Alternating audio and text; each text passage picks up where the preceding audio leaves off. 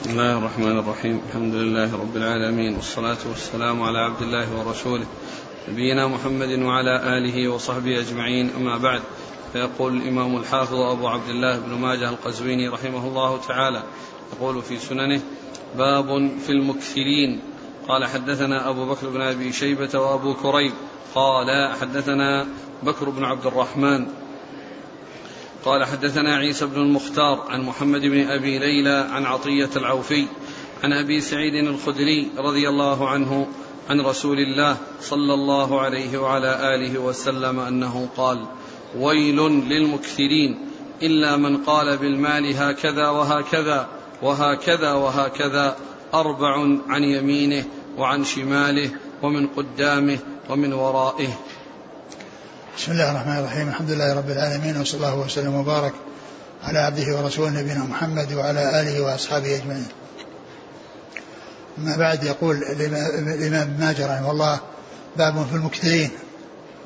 أي المكثرين من الدنيا والذين عندهم أموال كثيرة. هذا هو المقصود بالإكثار. هنا.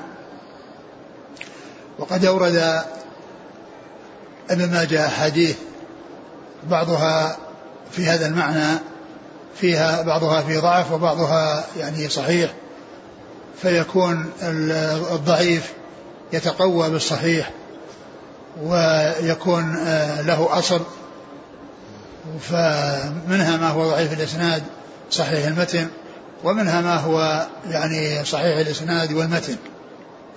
والذي يكون ضعيف الإسناد يعني يقوى بصحيح الإسناد. والإكثار وقد أورد هذا الحديث المكثرون هم الأسفلون يوم القيامة إلا من قال هكذا وهكذا وهكذا يعني أمامه ويمينه وشماله ومن خلفه يعني أنه يبذل المال بإطلاق. وهذا هذا هو الذي يحمد عليه المال بأن يبذله في طاعة الله عز وجل وفيما يعود عليه وعلى غيره بالخير ومع ذلك أيضا لا بد أن يكون وصل من طريق حلال. أن يكون من وصل من طريق حلال. فالمال الذي يعني يكون آه، صاحبه آه، منتفعا به ولا يحصل له شيء من الذم أن يصل إليه من طريق حلال ويصرفه في طريق حلال. ولا يلهيه عن ذكر الله وعن طاعة الله عز وجل وطاعة رسوله صلى الله عليه وسلم بل يكون آه، عونا له على طاعة الله ويكون آه، فيه المجال لأن ينفق منه في سبيل الله وليطعم الفقراء والمساكين ويبذل في وجوه الخير فإنه بذلك يكون الإكثار ممدوح وليس بمذموم. وهذا هو الذي حصل لمن حصل له كثرة المال من أصحاب الرسول صلى الله عليه وسلم فإنهم كانوا يصرفونه في سبيل الله ويبذلونه في سبيل الله. وقد جاء أن عثمان بن عفان رضي الله عنه جهز جيش العسرة الذي هو غزوة تبوك بثلاثمائة بعير عليها أحلاسها وأقتابها فيكون آه، آه، آه، المال الكثير إذا صرف في طاعة الله وطاعة رسوله صلى الله عليه وسلم فإنه يكون نافعا لصاحبه ويستفيد منه صاحبه. فلا يشغله عن ذكر الله ولا يلهى به يلهو به عن ما يعود عليه بالخير وإنما يأخذه من حله دون أن يشغله ودون أن يتفانى في في في, في تحصيله والتعب عليه ويغفل عما يعود عليه بالخير وكذلك يصرفه فيما يعود عليه وعلى المسلمين بالخير في وجوه البر ووجوه الطاعات التي جاءت جاء الكتاب والسنة في الحث والترغيب في صرف الأموال فيها. نعم. قال حدثنا أبو بكر بن أبي شيبة وأبو كريب. أبو بكر بن أبي شيبة ثقة أخرج أصحاب الكتب إلى الترمذي و وأبو كريب هو محمد بن العلاء بن كريب وهو شيخ وهو شيخ, وهو شيخ لأصحاب الكتب الستة. نعم. عن بكر بن عبد الرحمن. وهو ثقة أخرج أبو داود النسائي بن ماجه. نعم.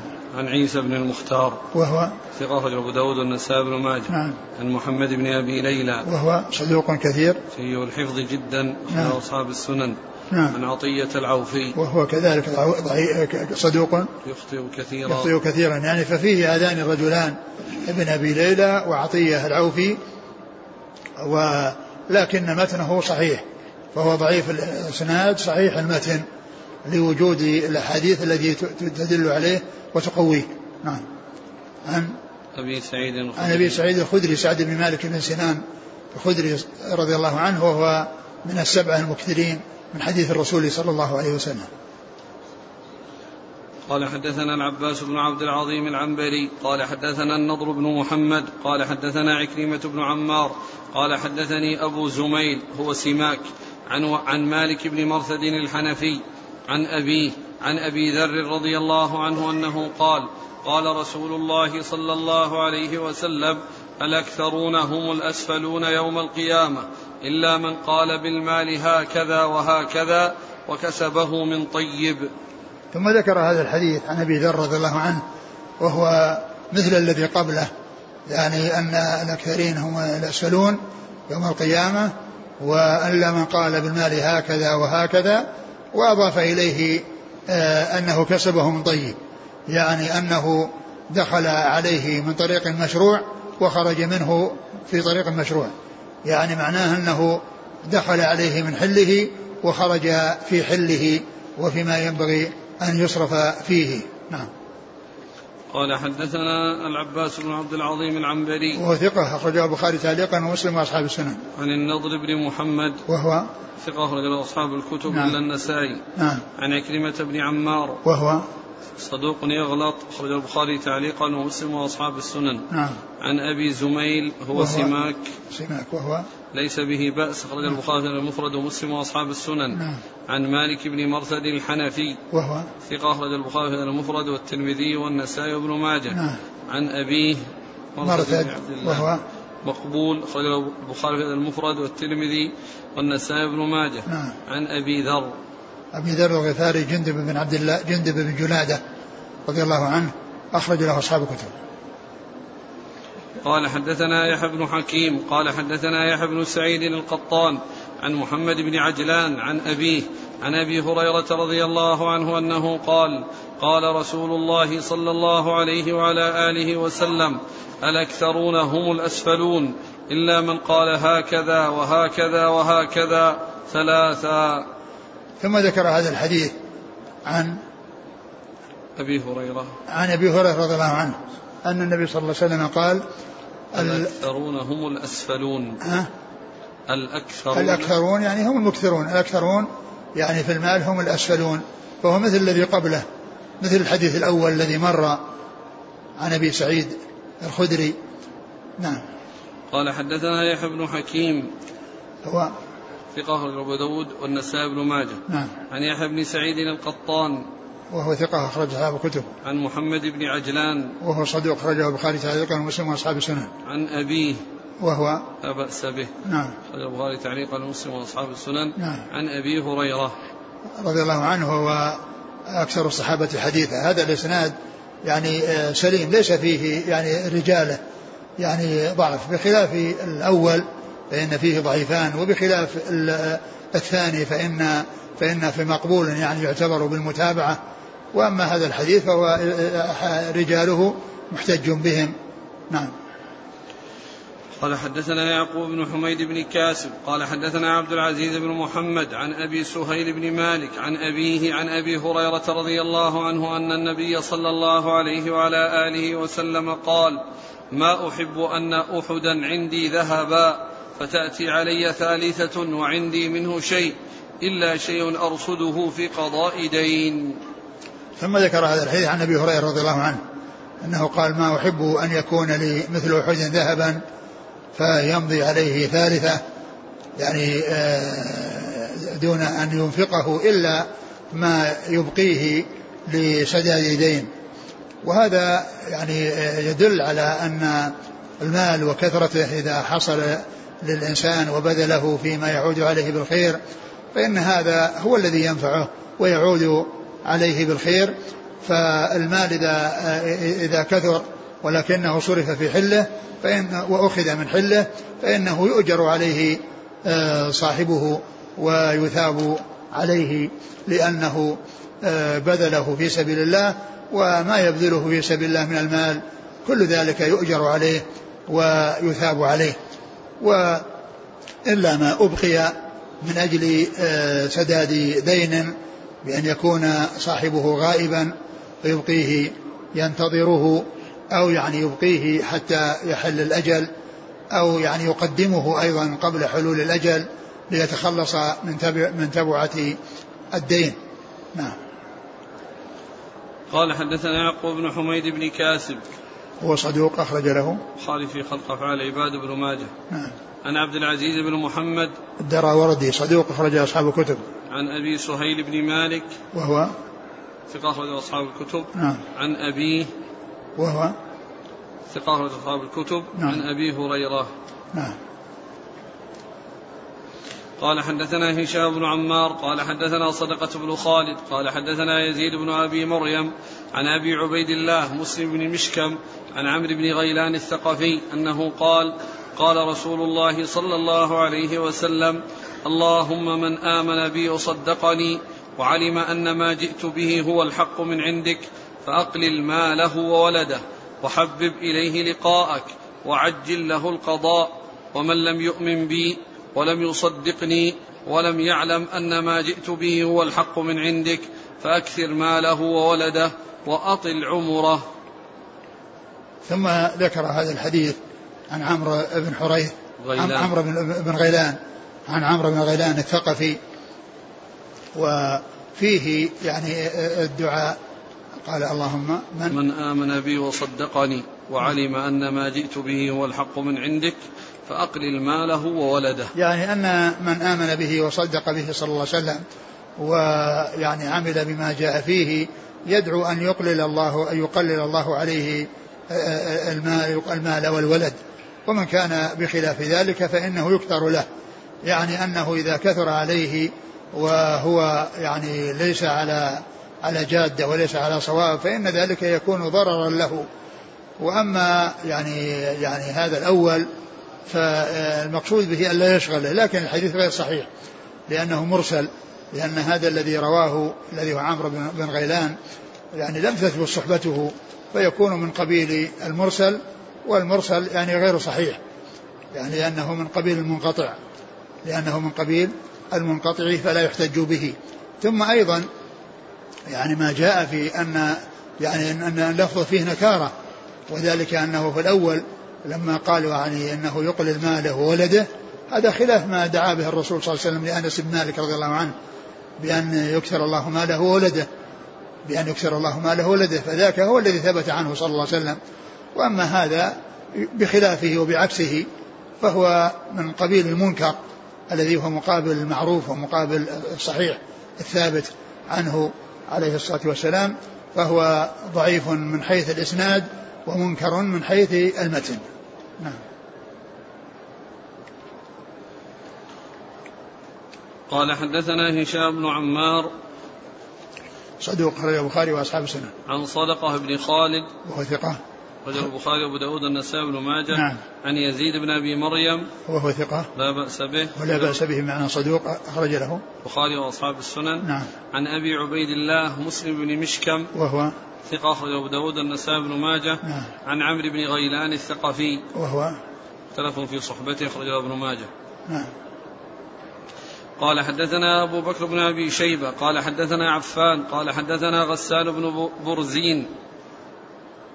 ها قال وحدثنا عبد الله بن معاوية الجمحي قال حدثنا غسان بن برزين قال حدثنا سيار بن سلامة عن البراء السليطي عن نقادة الأسدي رضي الله عنه أنه قال بعثني رسول الله صلى الله عليه وسلم إلى رجل يستمنحه ناقة فرده ثم بعثني إلى رجل آخر فأرسل إليه بناقة فلما أبصرها رسول الله صلى الله عليه وسلم قال اللهم بارك فيها وفي من بعث بها.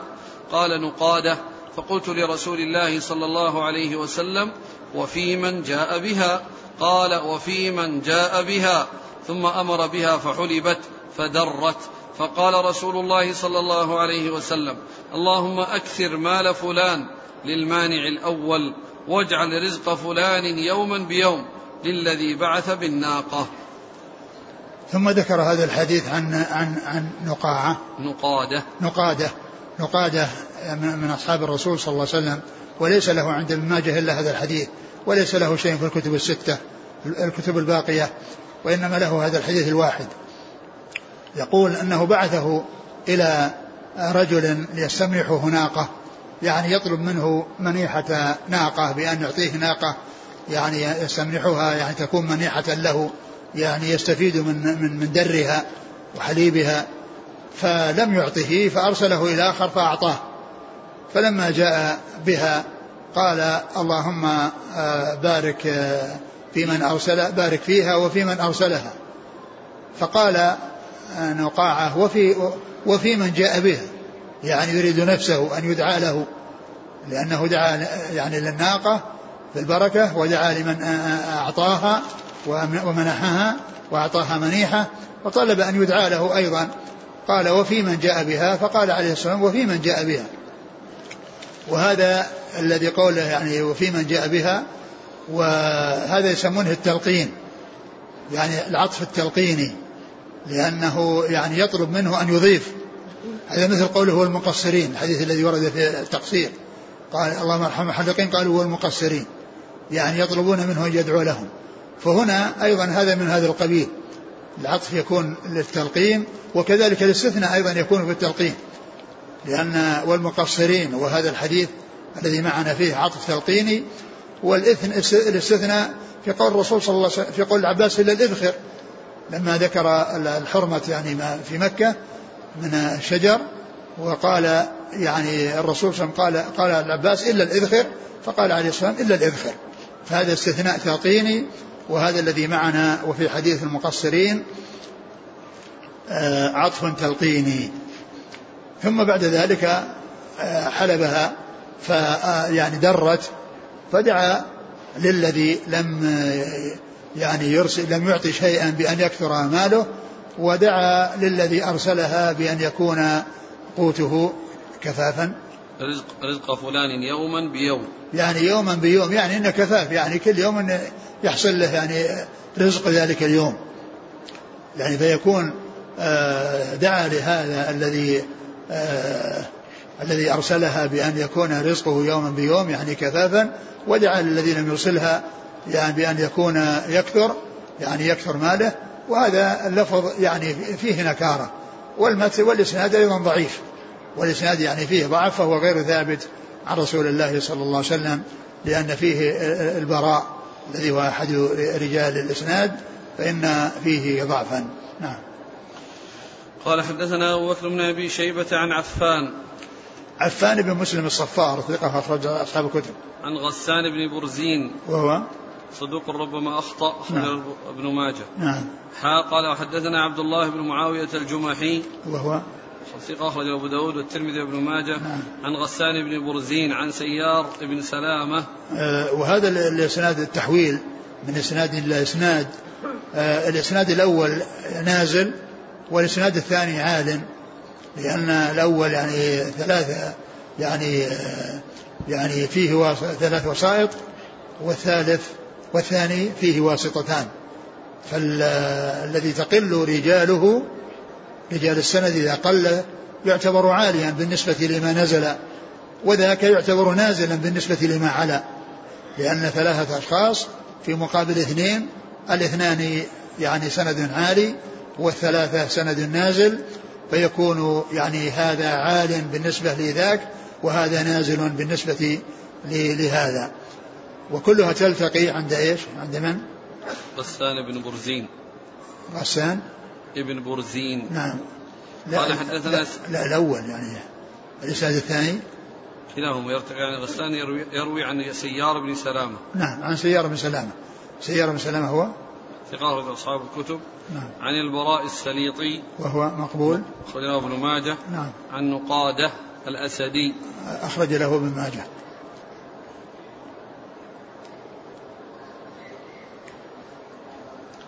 قال حدثنا الحسن بن حماد قال حدثنا أبو بكر بن عياش عن أبي حصين عن أبي صالح عن أبي هريرة رضي الله عنه أنه قال قال رسول الله صلى الله عليه وسلم تعس عبد الدينار وعبد الدرهم وعبد القطيفة وعبد الخميصة إن أعطي رضي وإن لم يعط لم يفي.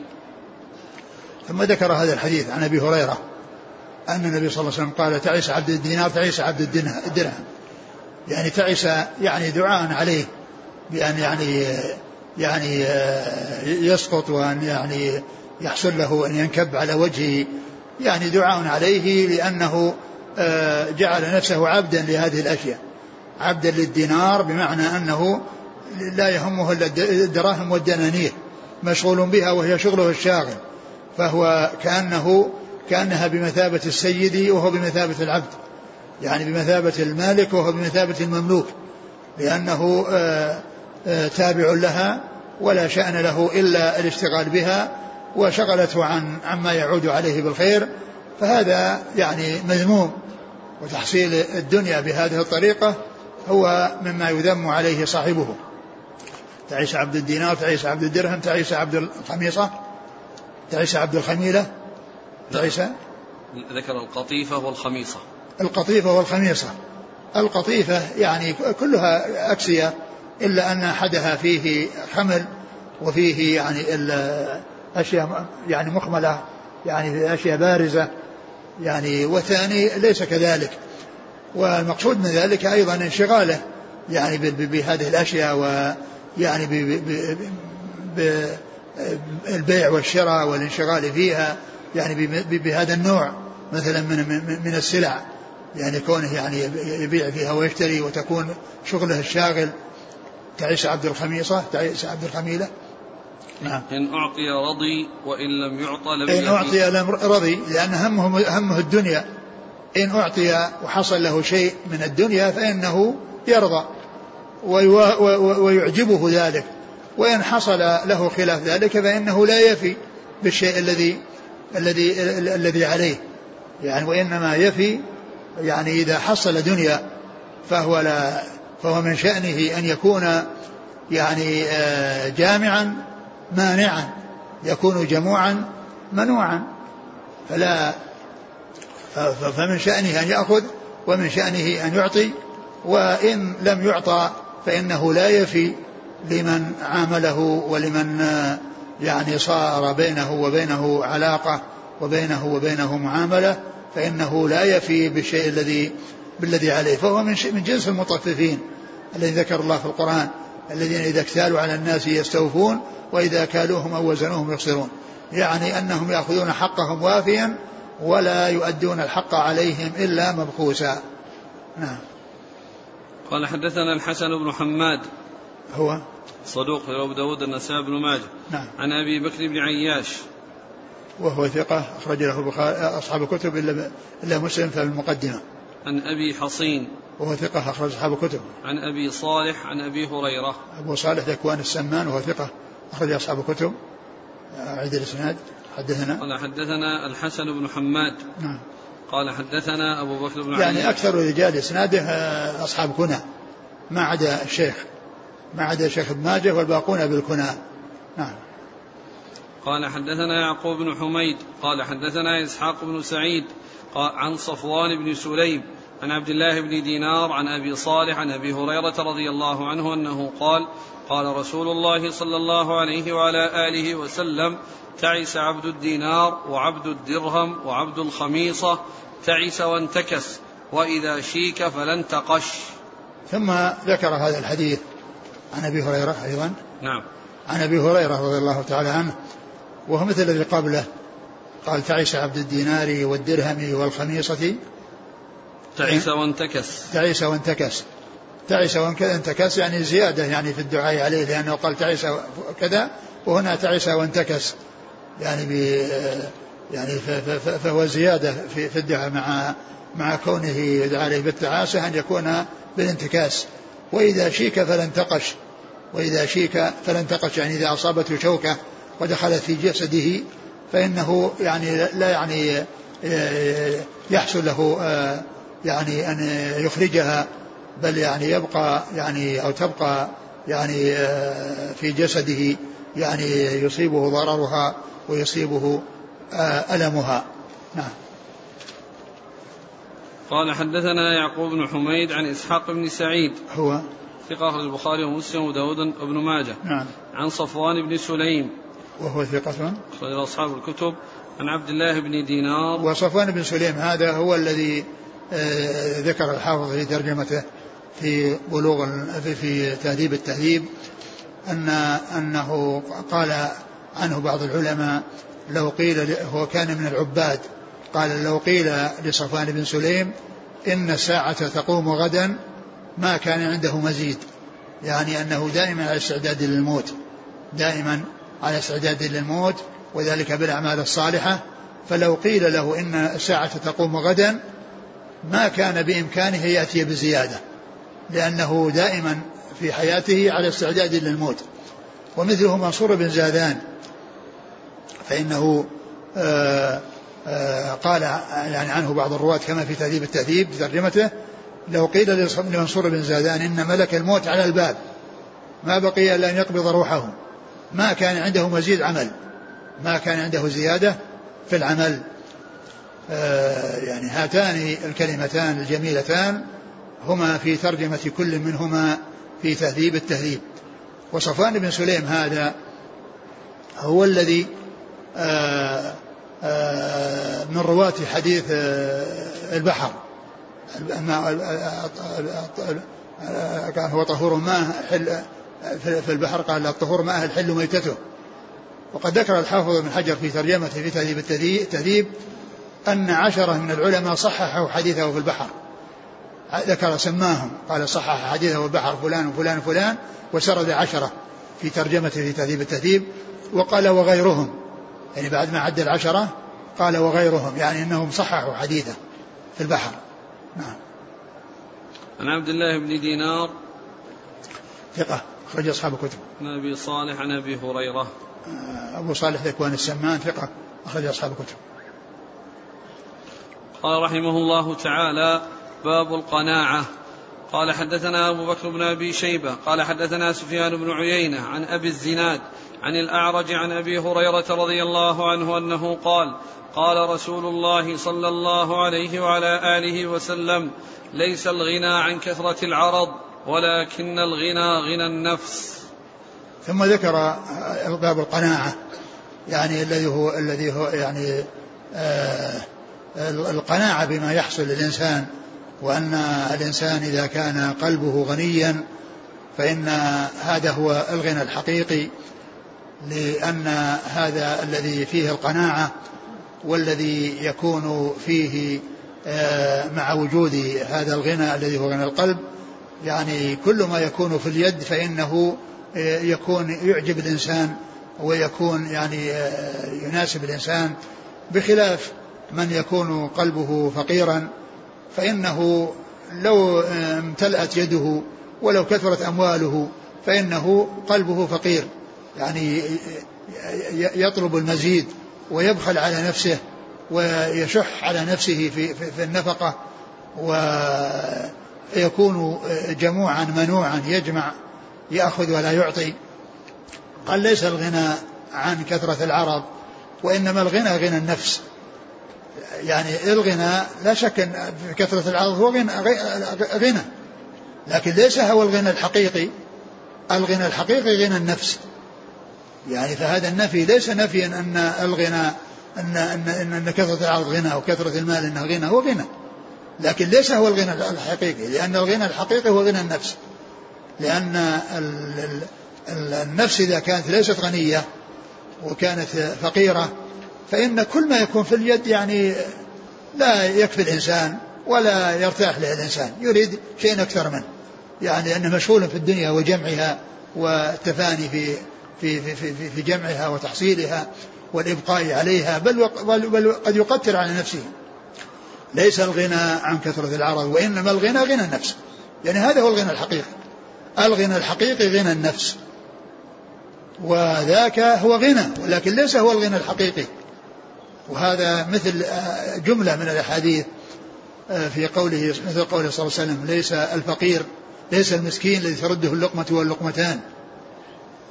ليس المسكين الذي ترده اللقمة واللقمتان وإنما المسكين الذي لا يعني لا ليس عنده يعني لا ليس ليس عنده ما يكفيه ولا يفطن له فيتصدق عليه. يعني هذا هو المسكين حقا. وذاك مسكين أيضا الذي يعني يسأل وهو ما عنده شيء لكن ذاك أشد مسكنة منه. هذا هو المسكين الحقيقي. ليس المسكين الذي ترده اللقمة واللقمتان. هو مسكين. وكذلك قول الرسول صلى الله عليه وسلم ليس الشديد بالسرعة إنما الشديد الذي يصرع نفسه عند الغضب. يصرع, يصرع غيره عند الغضب. الذي يملك نفسه عند الغضب. ليس الشديد بالسرعة الذي يصارع الناس ويغلبهم. هو شديد لا شك. لكن أشد منه الذي يملك نفسه عند الغضب. ليس الشديد بالسرعة يعني حقا ليس الشديد حقا وإنما الشديد الذي يملك نفسه عند الغضب. يعني هذا هو هو الشديد حقا. وكذلك الحديث الذي فيه قوله صلى الله عليه وسلم آه، أتدرون من المفلس؟ قال والمفلس من, من لا درهم له ولا متاع. فقال عليه الصلاة والسلام المفلس من يأتي يوم القيامة بصلاة وزكاة وصيام وحج.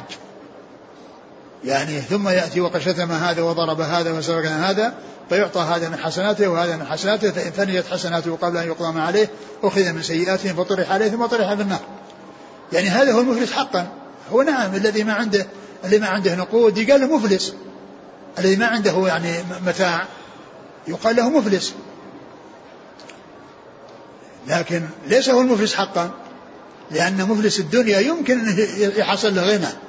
إفلاس الدنيا يمكن يحصل له غنى.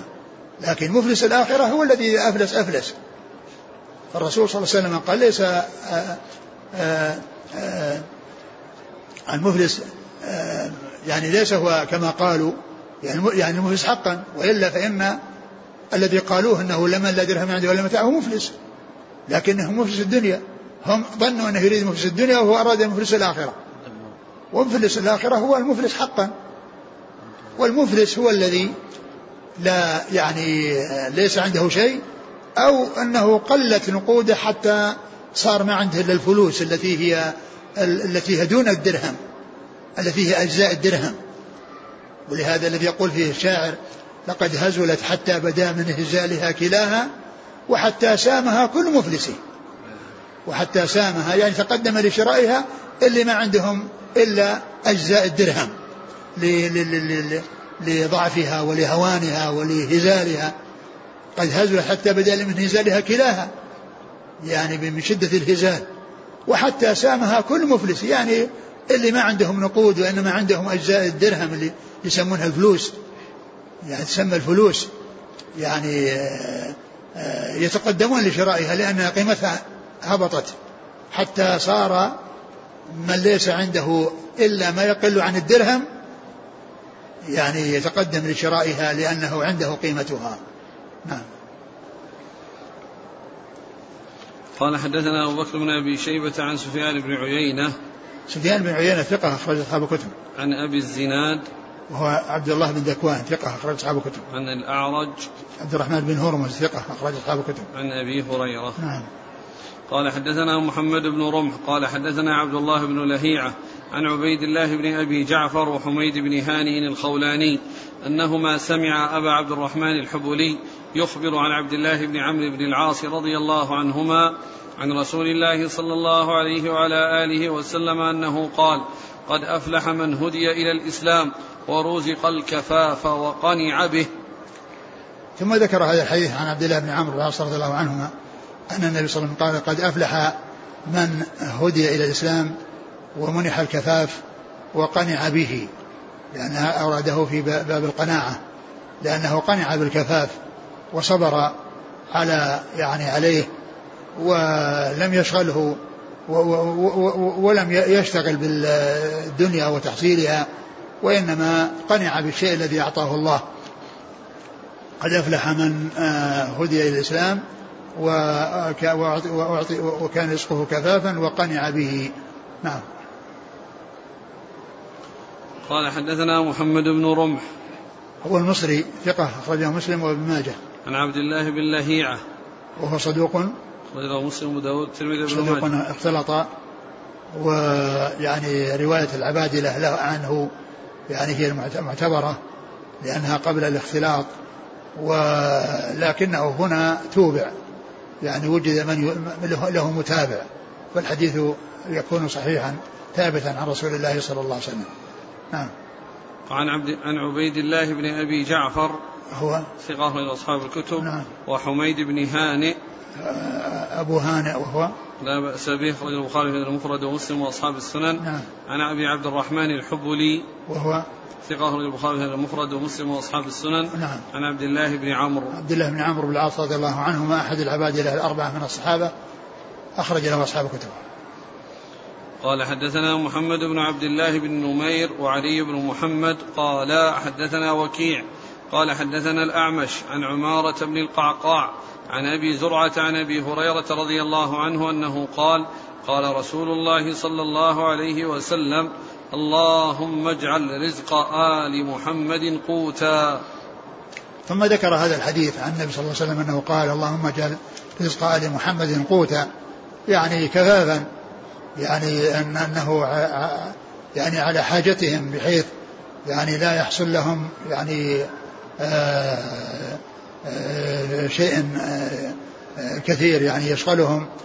ولا يكون يعني يعني وإنما هو على قدر الحاجة القوت الذي يقتاته الناس ويكون يعني طعامهم. والرسول صلى الله عليه وسلم كان يد يعطي يعطي يعني يدخر في بيوته يعني في وقت الثمرة يعني من من من ما يحصل من خيبر وفدك يعني قوت سنتهم من الطعام من التمر. ولكنه صلى الله عليه وسلم لكثرة بذله وإحسانه يفنى في وقت قصير. ولكنه كان يدخر قوت سنة لهم من الطعام يعني على قدر كفايتهم. ولكنه يحصل بكثرة عطائه وبذله عليه الصلاة والسلام أن هذا الذي يدخره لمدة سنة يعني يفنى في أوقات يسيرة. صلوات الله وسلامه وبركاته عليه. وهو كما جاء في حديث ابن عباس المتفق على صحته قال كان رسول الله صلى الله عليه وسلم أجود الناس. نعم. قال حدثنا محمد بن عبد الله بن نمير ثقة أخرج أصحاب الكتب. وعلي بن محمد الطنافسي وهو ثقة أخرجه النسائي في مسند علي وابن ماجه. عن وكيع وكيع بن الجراح الرؤاسي الكوفي ثقة أخرج أصحاب الكتب. عن الأعمش سليمان بن مهران. ثقة أخرج أصحاب الكتب. عن عمارة بن القعقاع. وهو ثقة أخرج أصحاب الكتب. عن أبي زرعة. وهو بن عمرو بن جرير. ثقة أخرج أصحاب الكتب. عن أبي هريرة. نعم. قال حدثنا محمد بن عبد الله بن نمير. قال حدثنا أبي ويعلى عن إسماعيل بن أبي خالد عن نفيع عن أنس رضي الله عنه أنه قال قال رسول الله صلى الله عليه وعلى آله وسلم ما من غني ولا فقير إلا ود يوم القيامة أنه أتي من الدنيا قوتا. ثم ذكر هذا الحديث عن أنس أن النبي صلى الله عليه وسلم قال ما من غني ولا فقير إلا ود يوم القيامة أنه أعطي قوتا. يعني أن الذي آه، آه، يعني الذي يعطي إياه إنما هو قوت يعني يعني الشيء القليل ورد في باب القناعة لأن فيه يعني القلة والاكتفاء بالشيء اليسير لكن الحديث ضعيف. وفي إسناده رجل متروك. نعم. قال حدثنا محمد بن عبد الله بن نمير عن أبيه ويعلى. هو ابن عبيد الطنافسي وهو؟ ثقة أخرج أصحاب الكتب. نعم. عن إسماعيل بن أبي خالد. وهو ثقة أخرج أصحاب الكتب. عن نفيع. وهو متروك أخرج له. الترمذي وابن ماجه. نعم. عن أنس. رضي الله عنه خادم الرسول صلى الله عليه وسلم وأحد المكثرين من حديثه. قال حدثنا سويد بن سعيد ومجاهد بن موسى قال حدثنا مروان بن معاوية قال حدثنا عبد الرحمن بن أبي شميلة عن سلمة بن عبيد الله بن محصن الأنصاري عن أبيه أنه قال قال رسول الله صلى الله عليه وعلى آله وسلم من أصبح منكم معافى في جسده آمنا في سربه عنده قوت يومه فكأنما حيزت له الدنيا. ثم ذكر هذا الحديث عن النبي صلى الله عليه وسلم قال من أصبح منكم معافى في جسده آمنا في سربه فكأنما سيقت له الدنيا. عنده. عنده قوت يومه وليلته فكأنما سيقت له الدنيا وفي بعض الروايات بحذافيرها يعني كأنما سيقت له الدنيا كلها. وهذا قوله من أصبح منكم آمنا يعني من أصبح منكم معافى في جسده يعني من الله عليه بالصحة والعافية والسلامة من المرض الذي يضنيه ويتعبه ويشغله معافى في جسده آمنا في سربه يعني في نفسه عنده قوت يومه وليلته يعني عنده طعامه الذي يكفيه ليومه وليلته فكأنما سيقت له الدنيا. حيزت حيزت يعني كأنما حيزت يعني أنه كما أن أعطي الدنيا وصارت في حوزته وصارت ملكا له هو من كان كذلك فهو مثل هذا. وهذا يعني يفيد القناعة والرضا بالشيء الذي يحصل الإنسان من الشيء القليل وأنه يعني لا يشتغل بالشيء الذي يشغله عن طاعة الله وطاعة رسوله صلى الله عليه وسلم. قال حدثنا سويد بن سعيد. سويد بن آه، سعيد هو؟ صدوق له مسلم وابن ماجه. نعم. ومجاهد بن موسى. وهو؟ ثقة له مسلم وأصحاب السنن. نعم. عن مروان بن معاوية. وهو الفزاري وهو ثقة أخرجه أصحاب الكتب. عن عبد الرحمن بن أبي شميلة. وهو؟ مقبول.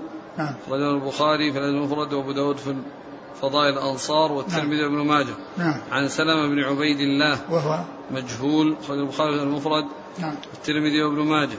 نعم. عن أبيه. رضي الله عنه أخرج له. البخاري في المفرد الترمذي وابن ماجه. نعم. وهذا الحديث في إسناده من هو تكلم فيهم لكن له يعني من الشواهد أو المتابعات ما يقويه. قال حدثنا أبو بكر قال حدثنا وكيع وأبو معاوية عن الأعمش عن أبي صالح عن أبي هريرة رضي الله عنه أنه قال قال رسول الله صلى الله عليه وعلى آله وسلم انظروا إلى من هو أسفل منكم ولا تنظروا إلى من هو فوقكم فإنه أجدر ألا تزدروا نعمة الله. قال أبو معاوية عليكم.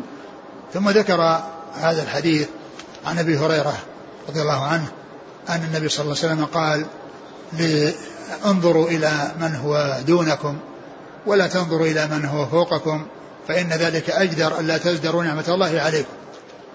وهذا أورده في كتاب القناعة وهو أن الإنسان إذا يعني آه يعني آه إذا كان قنوعا وأعطاه الله القناعة وعنده شيء فإن من الناس من هو دونه. يعني إذا كان عنده بعض الشيء فإن هناك أناس ليس عندهم شيء أصلا. يعني هو أحسن حالا منهم. والإنسان ينظر إلى من هو دونه لأن هذا يجعله يعني يعرف قدر نعمة الله عز وجل عليه وأنه أعطي ما لم يعطى غيره. ولا ينظر إلى من هو فوقه يعني إذا نظر من هو فوقه يعني معناه يعني يزدري ما بيده ويتقال ما بيده ويعتبر أنه ما عنده شيء. ولكن إذا نظر إلى من هو دونه يعني كذلك يعني في المال وفي الرزق فإن ذلك يجعله يطمئن ويرتاح وترتاح نفسه لأنه بخير لأن من الناس من هو دونه. هو عنده يعني شيء يعني قليل يكفيه ولكن فيه ناس ما عندهم شيء يكفيهم أصلا ما عندهم شيء أبدا يموتون من الجوع. ليس عندهم شيء. فالإنسان الرسول صلى الله عليه وسلم أرشد إلى أن الإنسان من أجل أن يعرف قدر نعمة الله عز وجل عليه أنه ينظر إلى من هو دونه. ينظر إلى من هو دونه. لا ينظر إلى من هو فوقه. لأنه إذا نظر إلى من هو فوقه يعني ما يكفيه ذلك الذي عنده ويعتبر أنه ما عنده شيء والناس أحسن منه وأن عندهم هم أغنياء وهو فقير. فيجعله يعني يتسخط ويجعله يحصل منه أمورا ما هي طيبة. لكنه إذا عرف قدر نعمة الله عز وجل عليه وأنه قد حصل ما لم يحصله غيره فإنه يعرف قدر نعمة الله عليه. ومثل ذلك فيما يتعلق بالصحة والعافية. الإنسان يعني قد يكون آه، عنده يعني شيء من الأمراض والأسقام والعاهات ولكن في ناس أشد منه. فهو إذا نظر إلى من هو دونه الإنسان الذي يعني أعرج في ناس ما مقعدين. يعني أناس مقعدين. ويعني إنسان عنده مرض وفي ناس عنده مرض أشد منه. فالإنسان إذا عرف إذا نظر إلى من هو دونه عرف قدر نعمة الله عز وجل عليه وهذا فيما يتعلق بالنسبة لأمور الدنيا وما يتعلق بالقناعة والصبر والاحتساب أما يتعلق بفعل الخير فهو يحب يعني ويرجو ويؤمل أن يكون مثل من يكون من هو فوقه كما جاء في الحديث لا حسد إلا في اثنتين لا حسد إلا في اثنتين فهو في ما يتعلق باب الخير يتمنى أن يكون مثل غيره ممن هو فوقه ليكون مثله في طاعة الله عز وجل وفيما يعود عليه بالخير. أما فيما يتعلق بالرزق وما يتعلق بالمرض وما إلى ذلك فإن الإنسان ينظر إلى من هو دونه حتى لا يزدري يعني يحتقر نعمة الله عز وجل عليه. وأحد الرواة قال تجدروا نعمة الله والراوي الثاني زاد عليكم نعمة الله عليكم. نعم. قال حدثنا أبو بكر عن وكيع وأبي معاوية. أبو معاوية محمد بن خازم الضرير الكوفي ثقة أخرج أصحاب الكتب. يعني أن وكيعا روايته ليس فيها عليكم. يعني وقف عند قوله ألا تزدروا نعمة الله. وأما أبو معاوية فإنه أضاف إلى ما عند معاوية ما عند وكيع عليكم. تزدروا نعمة الله عليكم.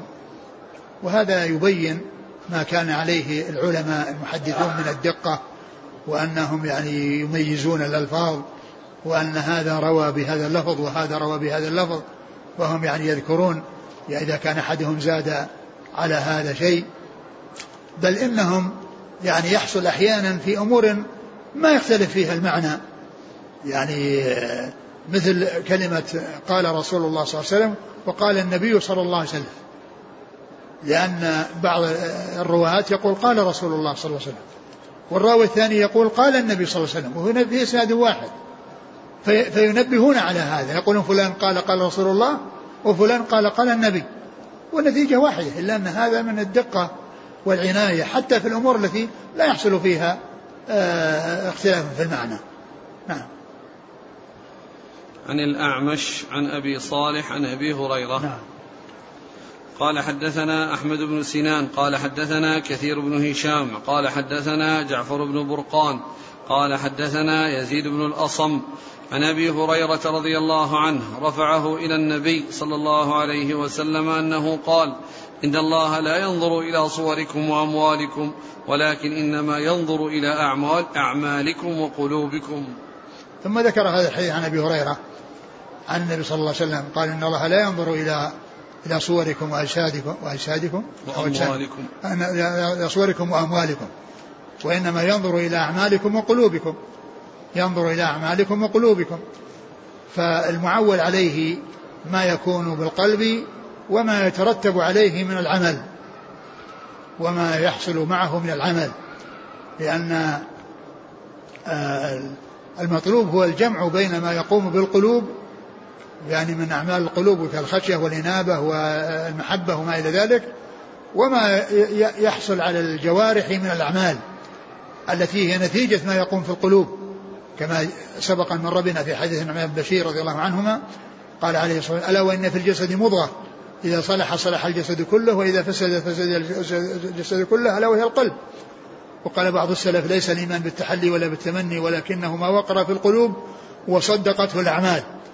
يعني فتتواطأ يتواطأ القلب يعني يعني ما ما يكون على الجوارح مع ما في القلب. يتواطأ القلب والعمل. عمل الجوارح وأعمال القلوب وما يقوم بها من التصديق والأعمال. التي هي الرغبة والرهبة والإنابة والخشية والمحبة وما إلى ذلك. آه آه إن الله لا ينظر يعني ليس هو المعتبر يعني الأجساد الصور والهيئات وإنما المعتبر وكذلك أيضا الأموال لأن الأموال قد تكون عند الإنسان كثيرة ولكنها وبال عليه والصحة قد تكون يعني آه، عند الإنسان يعني يعني حسنة وطيبة ولكنه لا يستعملها في طاعة الله. ولهذا قال عليه الصلاة والسلام في الحديث الذي رواه البخاري في صحيحه قال نعمتان مغبون فيهما كثير من الناس الصحة والفراغ. نعمتان مغبون فيهما كثير من الناس الصحة والفراغ. لأن من الإنسان ما يكون يعني صحته عنده الصحة والعافية لكن يستعملها فيما يعود عليه بالمضرة ما يستعملها فيما يعود عليه بالخير. فالمعتبر عند الله إنما هو القلوب والأعمال ما وقر في القلوب وما صدقت صدقته الأعمال بحيث تكون القلوب عامرة بالخير ويظهر ويترتب على ذلك ظهوره على الأعضاء يعني على الأعمال والجوارح على اللسان وعلى اليدين وعلى الرجلين وعلى السمع والبصر وغير ذلك من من من نعم نعم الصحة. التي أعطاها الله عز وجل للإنسان. فهذا يفيد أن المعتبر هو الأعمال الصالحة مع عمارة القلب بتقوى الله عز وجل. وهذا هو الذي ينظر الله إليه وهذا المعتبر عند الله عز وجل. وليس المعتبر هو الأجساد.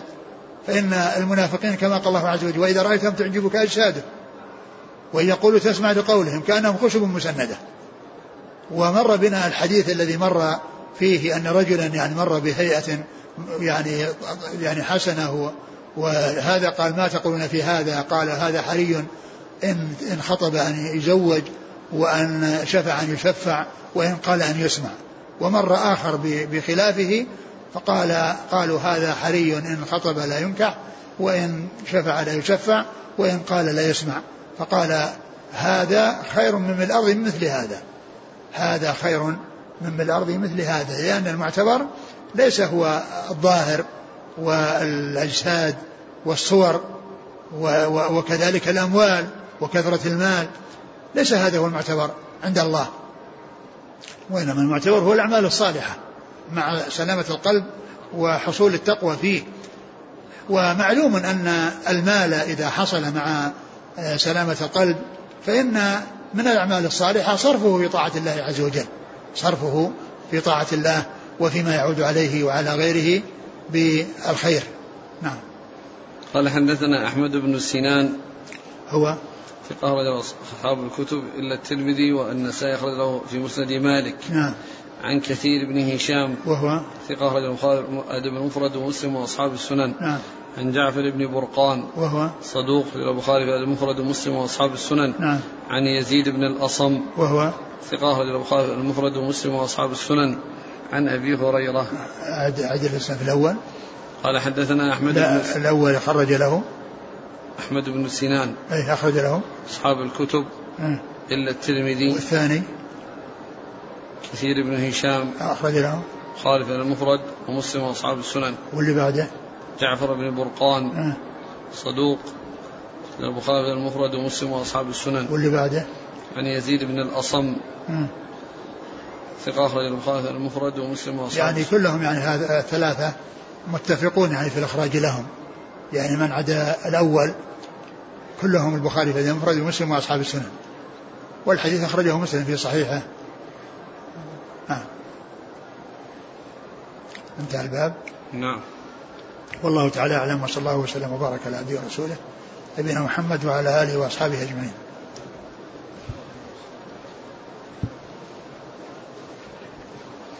جزاكم الله خيرا وبارك الله فيكم. ألهمكم الله الصواب. وفقكم للحق. ونفعنا الله ما سمعنا وغفر الله لنا ولكم وللمسلمين أجمعين. هذا الأخ بعث بفائدة من كلام الشيخ الألباني من السلسلة الصحيحة لما صح حديث عبد الله بن عمرو أن النبي صلى الله عليه وسلم قال قد أفلح من أسلم ورزق كفافا وقنعه الله بما آتاه.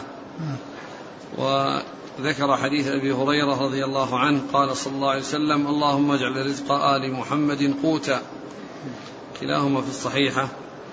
قال الشيخ رحمه الله فيه وفي الذي قبله دليل على فضل الكفاف وأخذ البلغة من الدنيا والزهد فيما فوق ذلك رغبة في توفر نعيم الآخرة وإيثارا لما يبقى على ما يفنى فينبغي للأمة أن تقتدي به صلى الله عليه وسلم في ذلك. وقال القرطبي معنى الحديث أنه طلب الكفاف فإن القوت ما يقوت البدن ويكف عن الحاجة. وفي هذه الحالة سلامة من آفات الغنى والفقر جميعا. قلت أي الألباني ومما لا ريب فيه أن الكفاف يختلف باختلاف الأشخاص والأزمان والأحوال فينبغي للعاقل أن يحرص على تحقيق الوضع الوسط المناسب له بحيث لا ترهقه الفاقة ولا يسعى وراء الفضول الذي يوصله إلى التبسط والترفه. فإنه في هذه الحالة قلما يسلم من عواقب جمع المال لا سيما في هذا الزمان الذي كثرت فيه مفاتنه وتيسرت على الأغنياء سبله. أعاذنا الله تعالى من ذلك ورزقنا الكفاف من العيش. ذكر كذلك الصنعاني في شرح هذا الحديث من البلوغ. انظروا إلى من هو أسفل منكم ولا ولا تنظروا إلى من هو فوقكم. قوله صلى الله عليه وسلم انظروا ولا تنظروا أمر ونهي. نعمة الله عليكم علة للأمر والنهي معا. والحديث فيه إرشاد للعبد إلى ما يشكر به النعمة.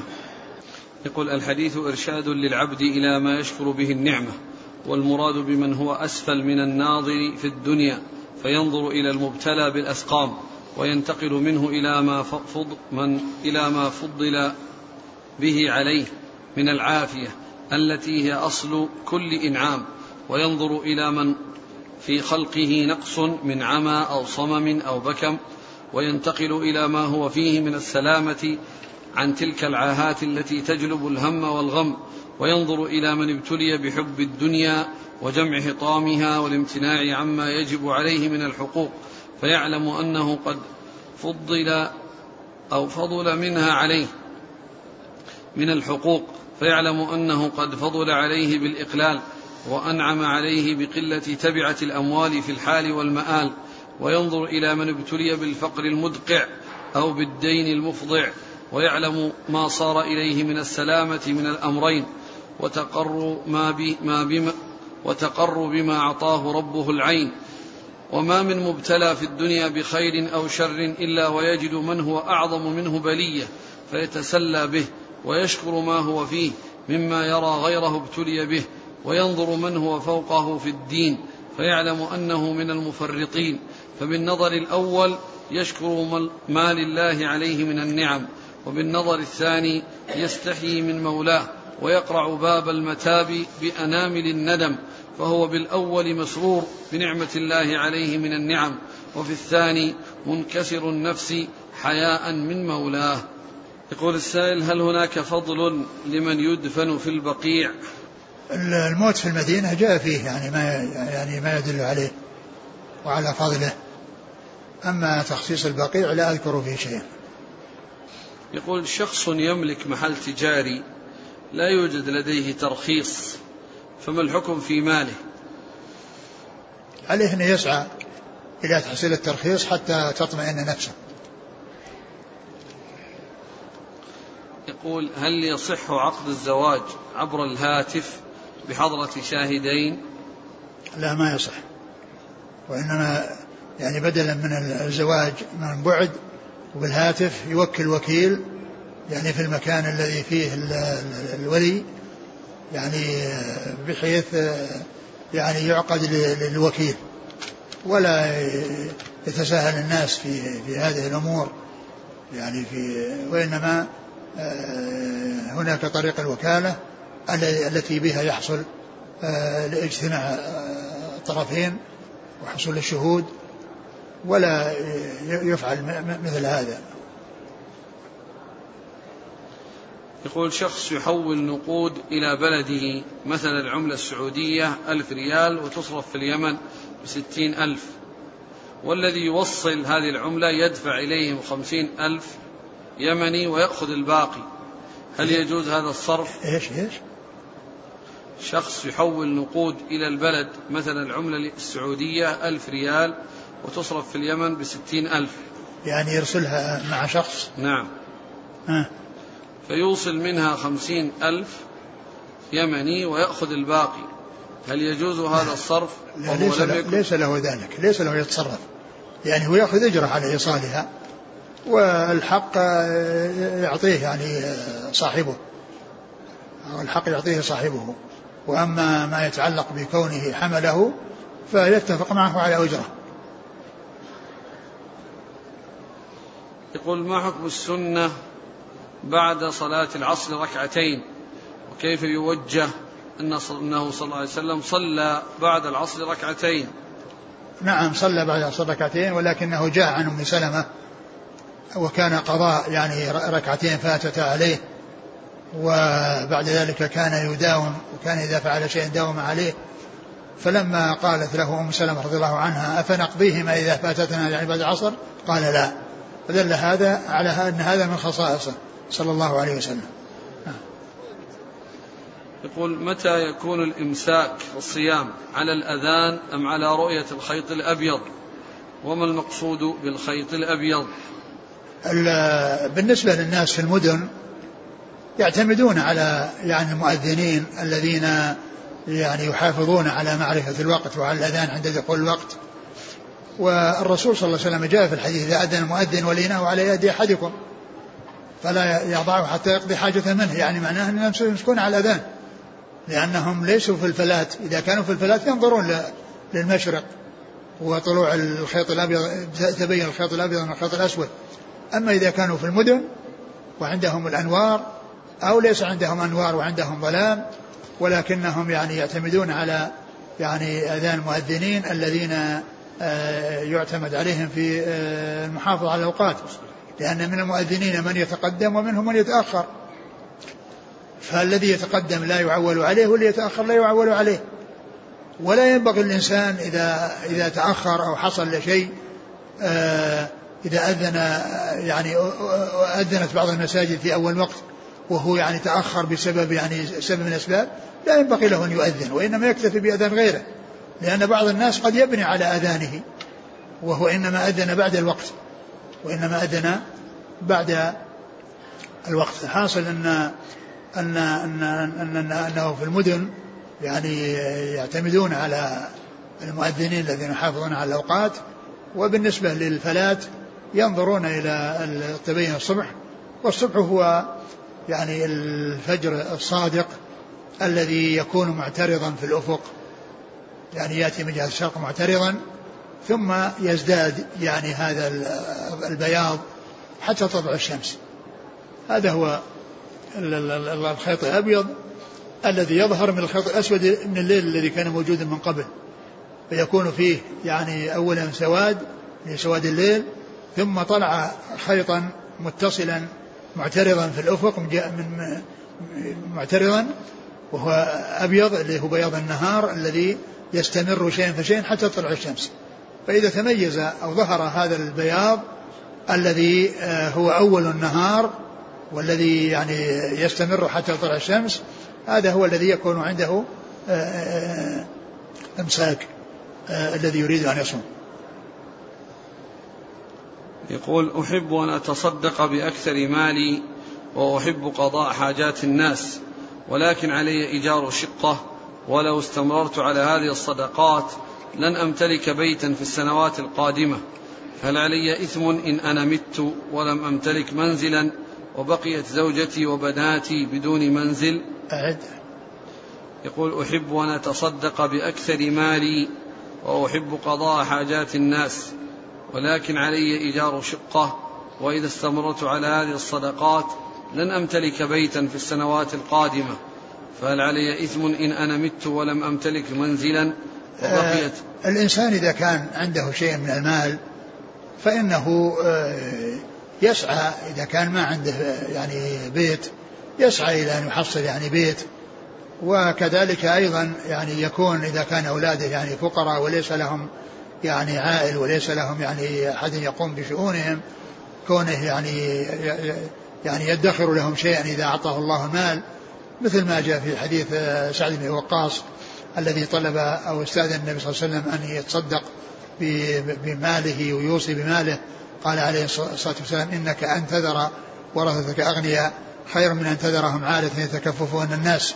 ويجمع بين الحسنيين يحسن إلى أولاده ويحسن إلى نفسه ب يعني دفع ما يحتاج إليه من الأجار. وإذا جاءه نقود فليتصدق منها بما يسر الله وليبقي يعني للشيء الذي يحتاج إليه أولاده ويعني ما شاء الله.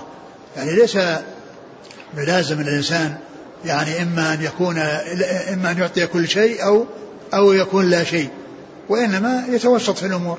يعني يتوسط في, في, في النفقة ويتوسط يعني في, في العطية والإحسان إلى الناس لأن أولاده يعني هم أولى بالإحسان. والرسول صلى الله عليه وسلم يقول أفضل الدينار دينار تنفقه على ولد على على على, على عيالك. يعني لأن لأنهم اللي يعول. والرسول قال وابدأ بمن تعول. يعني فمراعاة أولاده والإحسان إليهم وكونهم يعني لا يحتاجون إلى الناس. يعني هذا أمر مطلوب.